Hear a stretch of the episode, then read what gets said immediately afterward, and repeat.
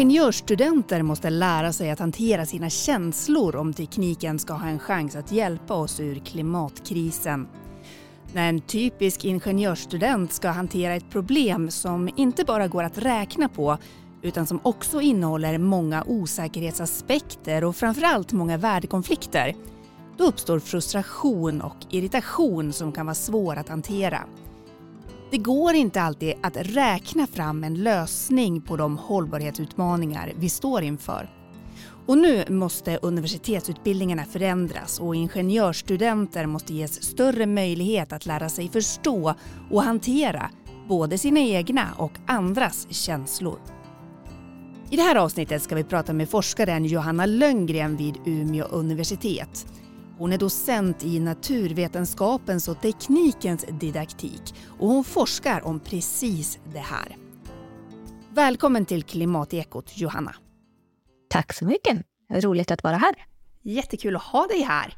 Du, det här med känslor och eh, hållbarhet. Varför har vi så lätt till starka känslor när det gäller just klimat och hållbarhet?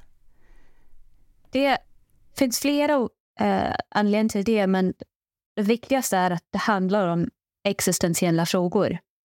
Det handlar om vår egen, planetens, mänsklighetens överlevnad. Eh, och det är klart att det väcker starka känslor. Men det handlar också om att det påverkar vår identitet, eller vår identitet är kopplad till hur vi ser på framtiden och hur vi förhåller oss till planetens framtid.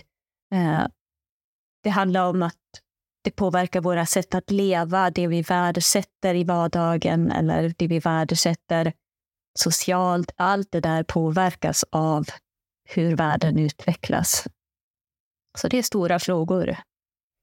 Men jag tänker, för vissa så slår ju det här åt att man får klimatångest. Ja. Eh, för vissa blir det handlingskraft och för vissa blir det snarare en förnekelse eller ett uppskjutande, att det där kan man lösa sen. Eh, vad är det, varför skiljer det sig åt tror du? Det är jag inte rätt person att, att svara på tyvärr. Jag har inte forskat på, på det psykologiska på det sättet. Eh, men det finns saker man kan göra i utbildning, alltså den, den utbildningsforskning som växer fram nu, det, det görs väldigt mycket på det området. Eh, det handlar mycket om att ge plats åt känslorna och inte liksom vara rädda för dem i utbildningen. Och sen lite normalisera dem, visa att vi alla har känslor, det är inget konstigt. Och sen istället reflektera över var, varför känner jag så här? Vad vill de här känslorna tala om för mig i den här situationen och hur vill jag använda de känslorna till att kanske agera annorlunda eller så vill jag fortsätta agera på samma sätt. Eller så vill jag påverka någon annan. Eh, fundera på vad, vad vill de här känslorna tala om för mig och vad kan jag lära mig av det? Hur kan jag använda det? Mm. Ja men precis, för du, du eh, forskar ju i naturvetenskapens och teknikens didaktik. Eh, berätta vad det är, för det, det är kopplat ja, till precis. utbildning. Och det handlar ju om hur vi utbildar, jag forskar främst på ingenjörsutbildningar, och då handlar det om hur vi utbildar framtidens ingenjörer för att de ska kunna bidra till en hållbar utveckling. Och då fokuserar jag just på den roll som känslorna har i det lärandet. För det, det är någonting vi har sett väldigt mycket varje gång vi börjar prata om hållbar utveckling. För det är ett så helt annat sätt att tänka från vad de flesta ingenjörsstudenter idag är vana vid. För de, de kommer in och lär sig att räkna problem, matematiska och fysikaliska problem och så hittar de rätt svar. Och så plötsligt så kommer vi in och ger dem ett hållbarhetsproblem och där det finns värdekonflikter och osäkerhet och mångtydighet. Och de har ingen aning hur de ska hantera det. Eh, så det väcker väldigt mycket känslor. Det är inte nödvändigtvis att det är svårt för dem att förstå, men de har svårt att känslomässigt hantera det. Så det är det vi försöker titta på. Vad, vad kan lärare göra för att underlätta känslomässigt? Vad är det för typ av känslor som eh, brukar komma upp? Då? Allt möjligt. Uh, vi har gjort en analys nu där vi tittar på videoinspelningar av studentgrupper och försökt kartlägga vilka känslor som kommer upp. Och det, det är allt. Alltså, det är starka känslor, det är mer svaga känslor, positiva, negativa. Um, någonting vi ser väldigt mycket är just frustration och osäkerhet när man kommer till det här mångtydighet, att det inte går att hitta ett rätt svar.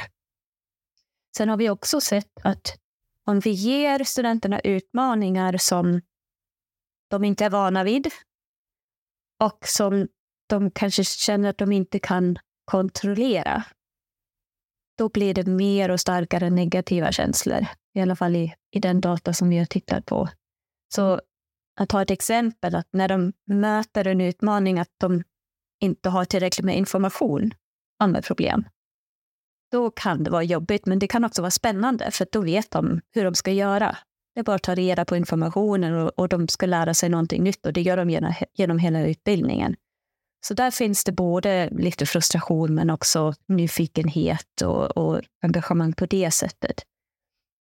Om vi tittar på mångtydighet eh, eller att man faktiskt måste ta hänsyn till att människor har känslor när man utvecklar teknik till exempel. Det har de aldrig mött tidigare. Många ingenjörsstudenter. Och framförallt har de, kan de inte kontrollera det. Vi kan inte kontrollera känslor, vi kan inte kontrollera världen, utan vi, vi måste leva med dem och hantera dem där de är. Och det verkar som att det väcker mer negativa känslor. Och vad får det för konsekvenser då? Eh, det kan få alla möjliga konsekvenser. Vi, vi har liksom inte gjort den här, de här statistiska studierna att vi vet att det här leder till det. Um, men det kan ju leda till att de blir så frustrerade att de helt enkelt ger upp. Uh, eller bara fokuserar på det som de kan kontrollera, vilket är de, de rent tekniska beräkningarna. Så det, det kan det ju leda till.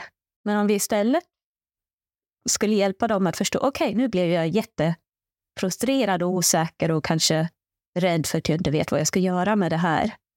Vad beror det på? Ja, just det. Jag är inte van att jobba med det här. Okej, okay, men hur kan jag lära mig att jobba med det?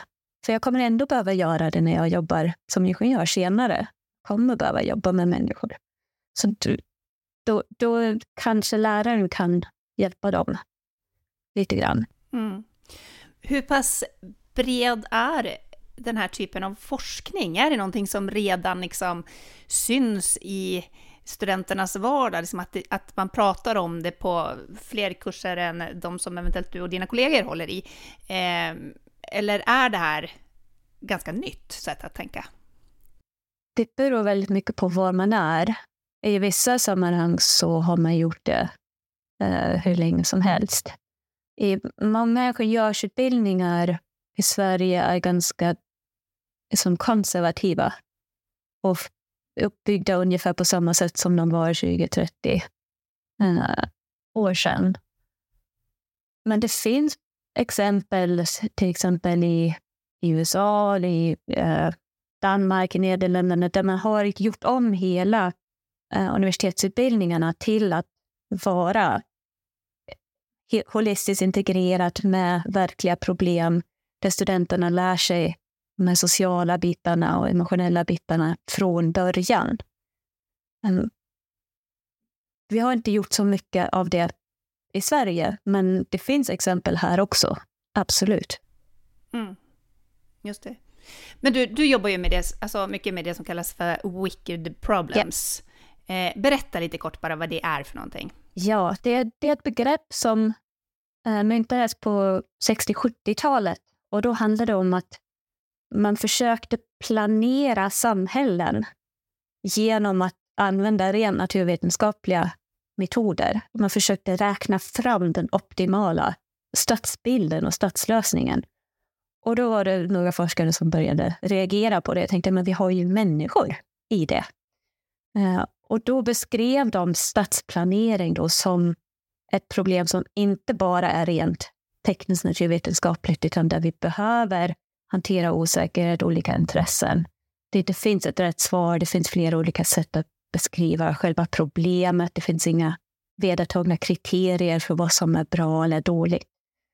Eh, så det, det, idag är begreppet någonting som man kan använda för att just sätta fokus på värdekonflikterna, mångtydigheten, osäkerheten. Eh, och lyfta fram det så att man blir medveten om det. Just det.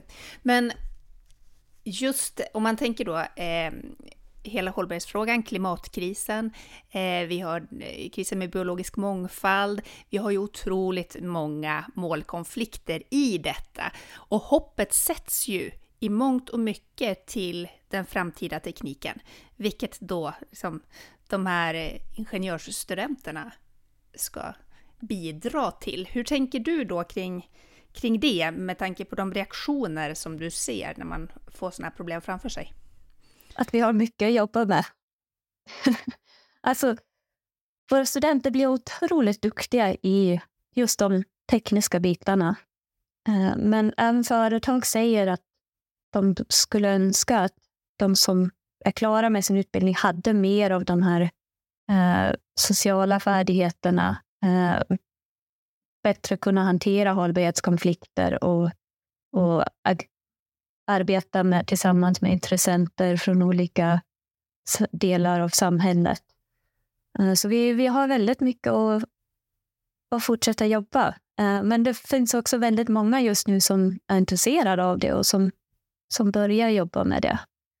Så jag, jag hoppas verkligen att, att vi kommer framåt snart. Mm.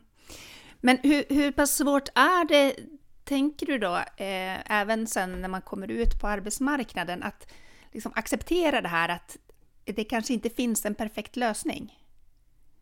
Ja, det är svårt. Jag, jag skulle själv gärna ha perfekta lösningar. Det, det är jättebekvämt. Men det har mycket också att göra med eh, världssyn och kulturer. För i västerländska kulturer så, så har vi en benägenhet att tänka att det finns rätt och fel. Att det finns linjära processer och att vi börjar någonstans och så kommer vi fram till den perfekta lösningen och så är vi klara och så kan vi göra någonting annat. Och då blir det svårt att tänka att nej, men vi kommer aldrig bli klara. Det finns inga lösningar för det blir inte löst. Det blir bara annorlunda, bättre förhoppningsvis. Men vi kommer fortsätta jobba i alla möjliga eh, riktningar samtidigt. Men i andra kulturer så finns det ju helt andra föreställningar om hur världen är beskaffad. Lite mer, mycket mer holistiskt och, och cirkulärt och så. Då, då, är det, då tänker man inte att det finns en perfekt lösning överhuvudtaget. Så det, det är väldigt mycket kulturellt eh, betingat och det betyder också att det är någonting vi kan förändra. Mm.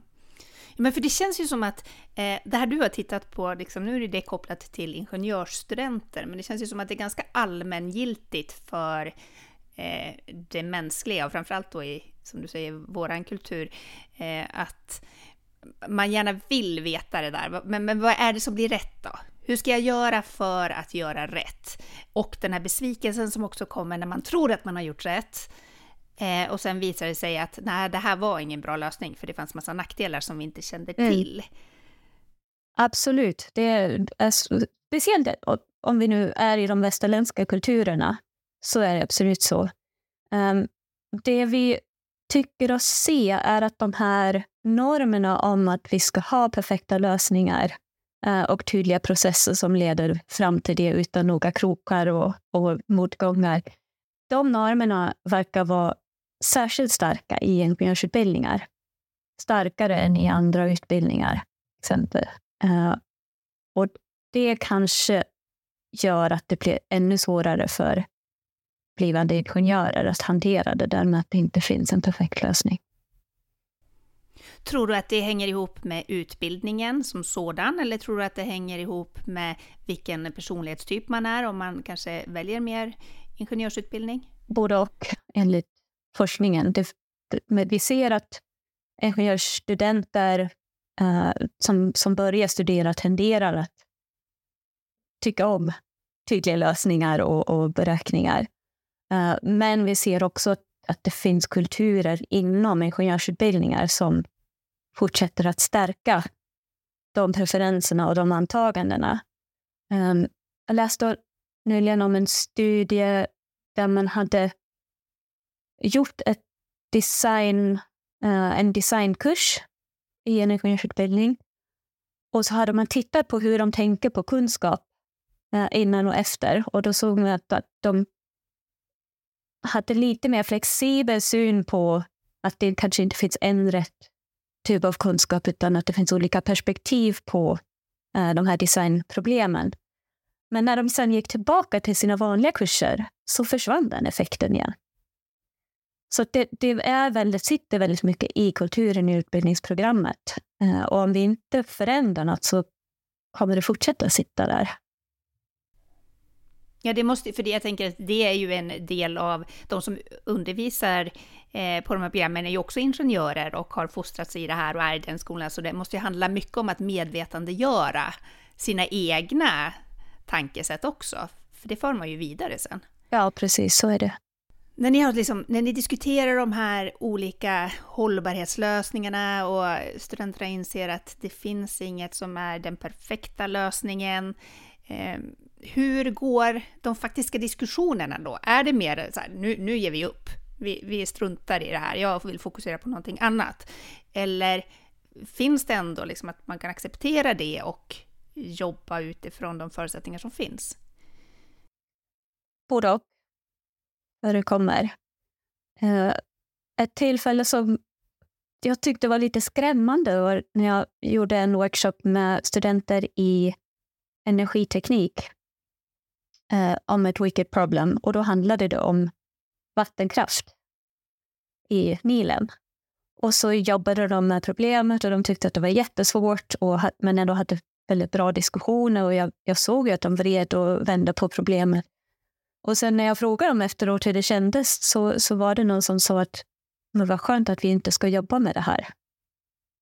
Då blev jag lite rädd. Blivande energiingenjörer inte tror att de ska jobba med värdefrågor om vattenkraft. Ja, verkligen.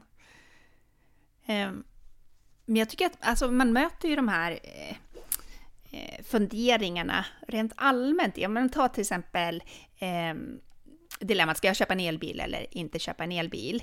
Eh, så är det ganska svårt att veta, okej, okay, men vi vet ju att koldioxidutsläppen måste minska och de måste minska drastiskt. Men å andra sidan så har vi ju då eh, den här fossilbilen som jag har, den rullar ju fortfarande. Ska, det, ska den skrotas då för en nyproducerad elbil? Vad blir klimatvärdet av det? Och vad händer egentligen med batterierna? De är ju inte så perfekta som vi skulle önska. Och det finns ju massa sådana här i våra vardagliga liv också. Eh, hur skulle du säga att man behöver förhålla sig till det här med, även som liksom privatperson? Mm. Jag har ju inte forskat på det som privatperson, men som jag tänker på det personligen är att vi måste fundera över våra egna värderingar. För vi tenderar att bara göra saker för att vi alltid har gjort så. Uh,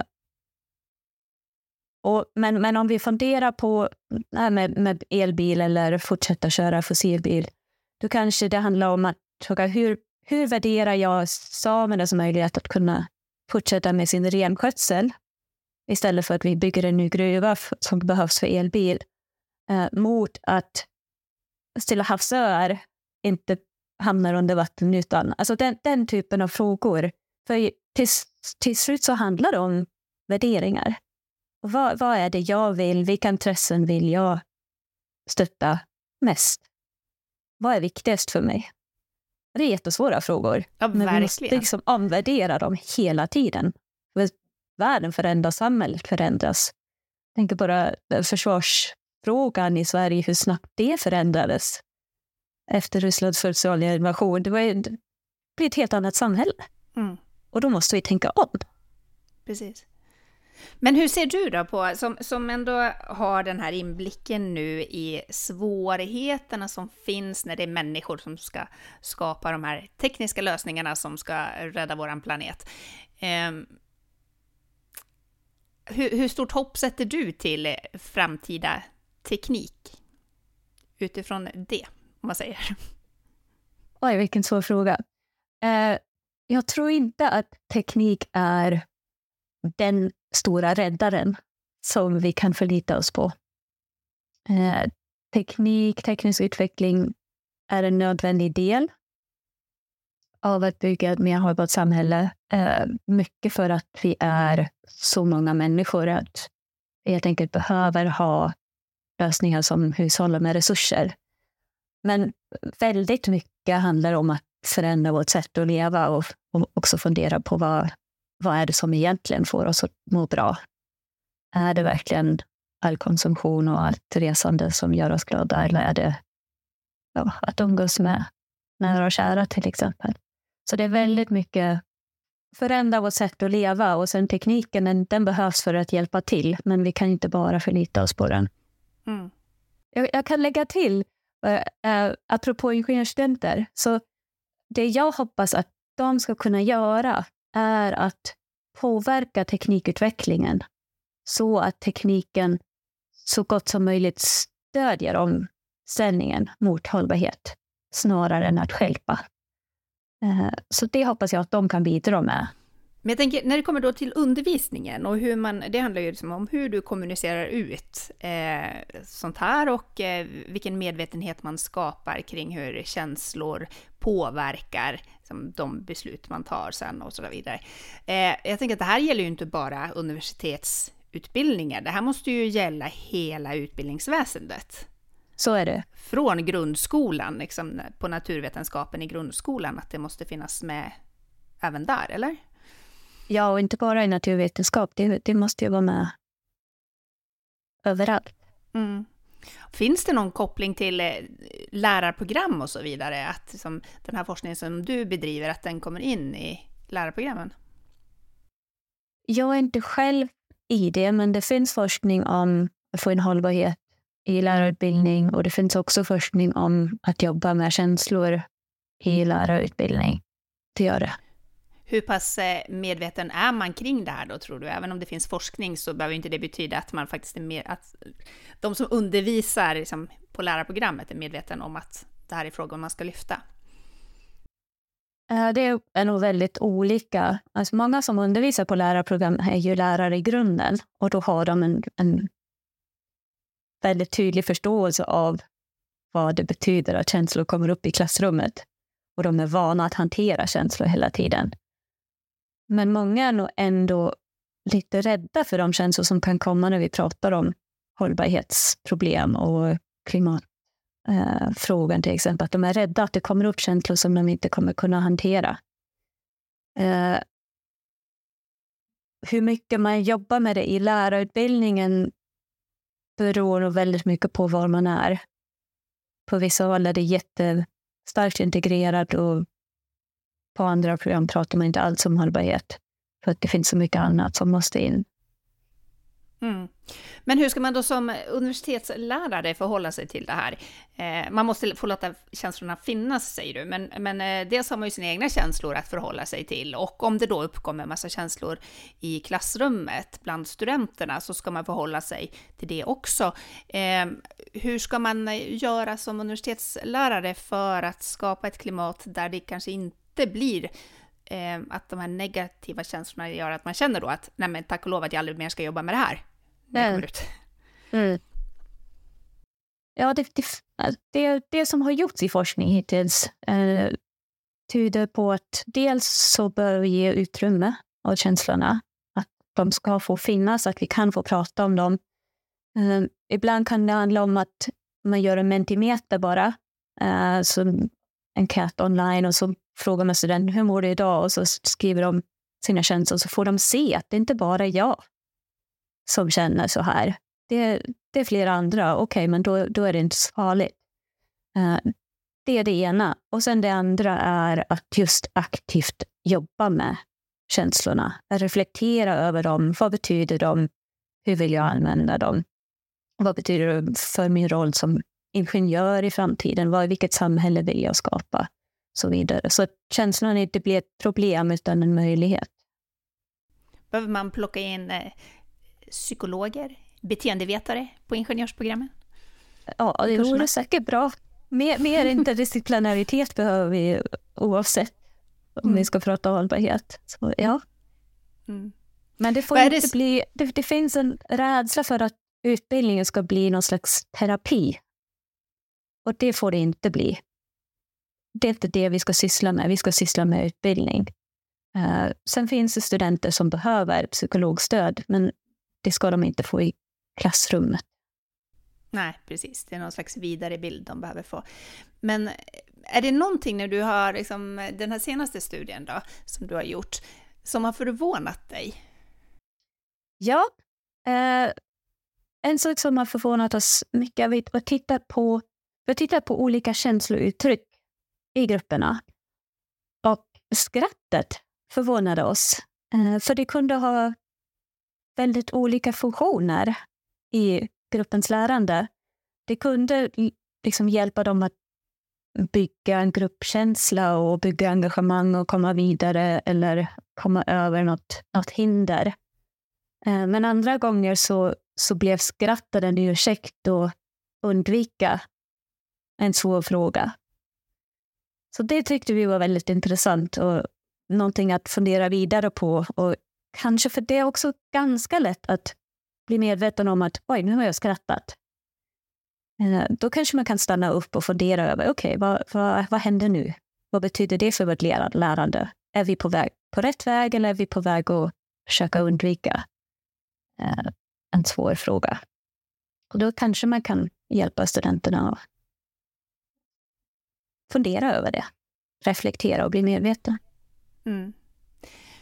Men även om de blir medvetna om sina känslor då, eh, handlar det någonstans i grunden om att de måste tygla de här känslorna, eller ska känslorna få finnas med hela vägen, även när de ska fokusera på att lösa de faktiska problemen? Jag tycker att känslor måste finnas med, eh, för vi är människor. Vi har alltid känslor. Eh, det finns väldigt stark diskurs om att vi ska tygla våra känslor och vi ska bli rationella och kalla och så vidare. Visst, i vissa sammanhang är det bra att inte brusa upp och inte agera på sina känslor. Men vi är människor, vi, vi kommer ha känslorna och vi kan försöka förneka dem, men det kommer vi inte må bra av och vi kommer inte göra bra hållbarhetsinsatser, för då, då blockerar vi också för andras känslor och värderingar och, och mänsklighet på det sättet. Så jag, jag tänker att de måste få minnas, finnas med som information i arbetet. Och den får ligga där. Just det. Men du, avslutningsvis då. Eh, jag reagerade också på det här som du berättade om, eh, tack och lov att vi inte ska jobba med det här. Eh, med tanke då på att vi, vi ändå sätter hopp till tekniken och sådär. Eh, hur eh, ser intresset ut för att fortsätta jobba med hållbarhetsfrågor bland de studenter som du kommer i kontakt med? Också väldigt olika. Uh, en del uh, säger att det, det, är därför de läser till ingenjör och andra säger att nej, men det har ingenting med mig att göra. Uh, jag, jag, vill läsa mattekurser, jag vill jobba med programmering eller så. Så det, det är väldigt olika. Men en lite tråkig sak är att man har sett i, i vissa studier att studenterna när de börjar ingenjörsutbildningar så är de mer intresserade av samhällsfrågor eh, och etik än när de slutar. Och då, då har det ju gått fel någonstans under utbildningen. Det var inte i Sverige, så jag kan inte eh, svara exakt så, men eh, dit vill vi inte. Då finns det ett jobb att göra på universiteten? Jajamän. Mm. Men du Jonas, stort tack för att du var med och pratade om det här i Klimatekot. Tack så jättemycket. Ja, det där var alltså Johanna Lönngren, docent vid Umeå universitet. Jag heter Elin Leijonberg och Klimatekot det görs i samarbete med Energi och klimatrådgivningen vid Umeå kommun. Tack för att du har lyssnat.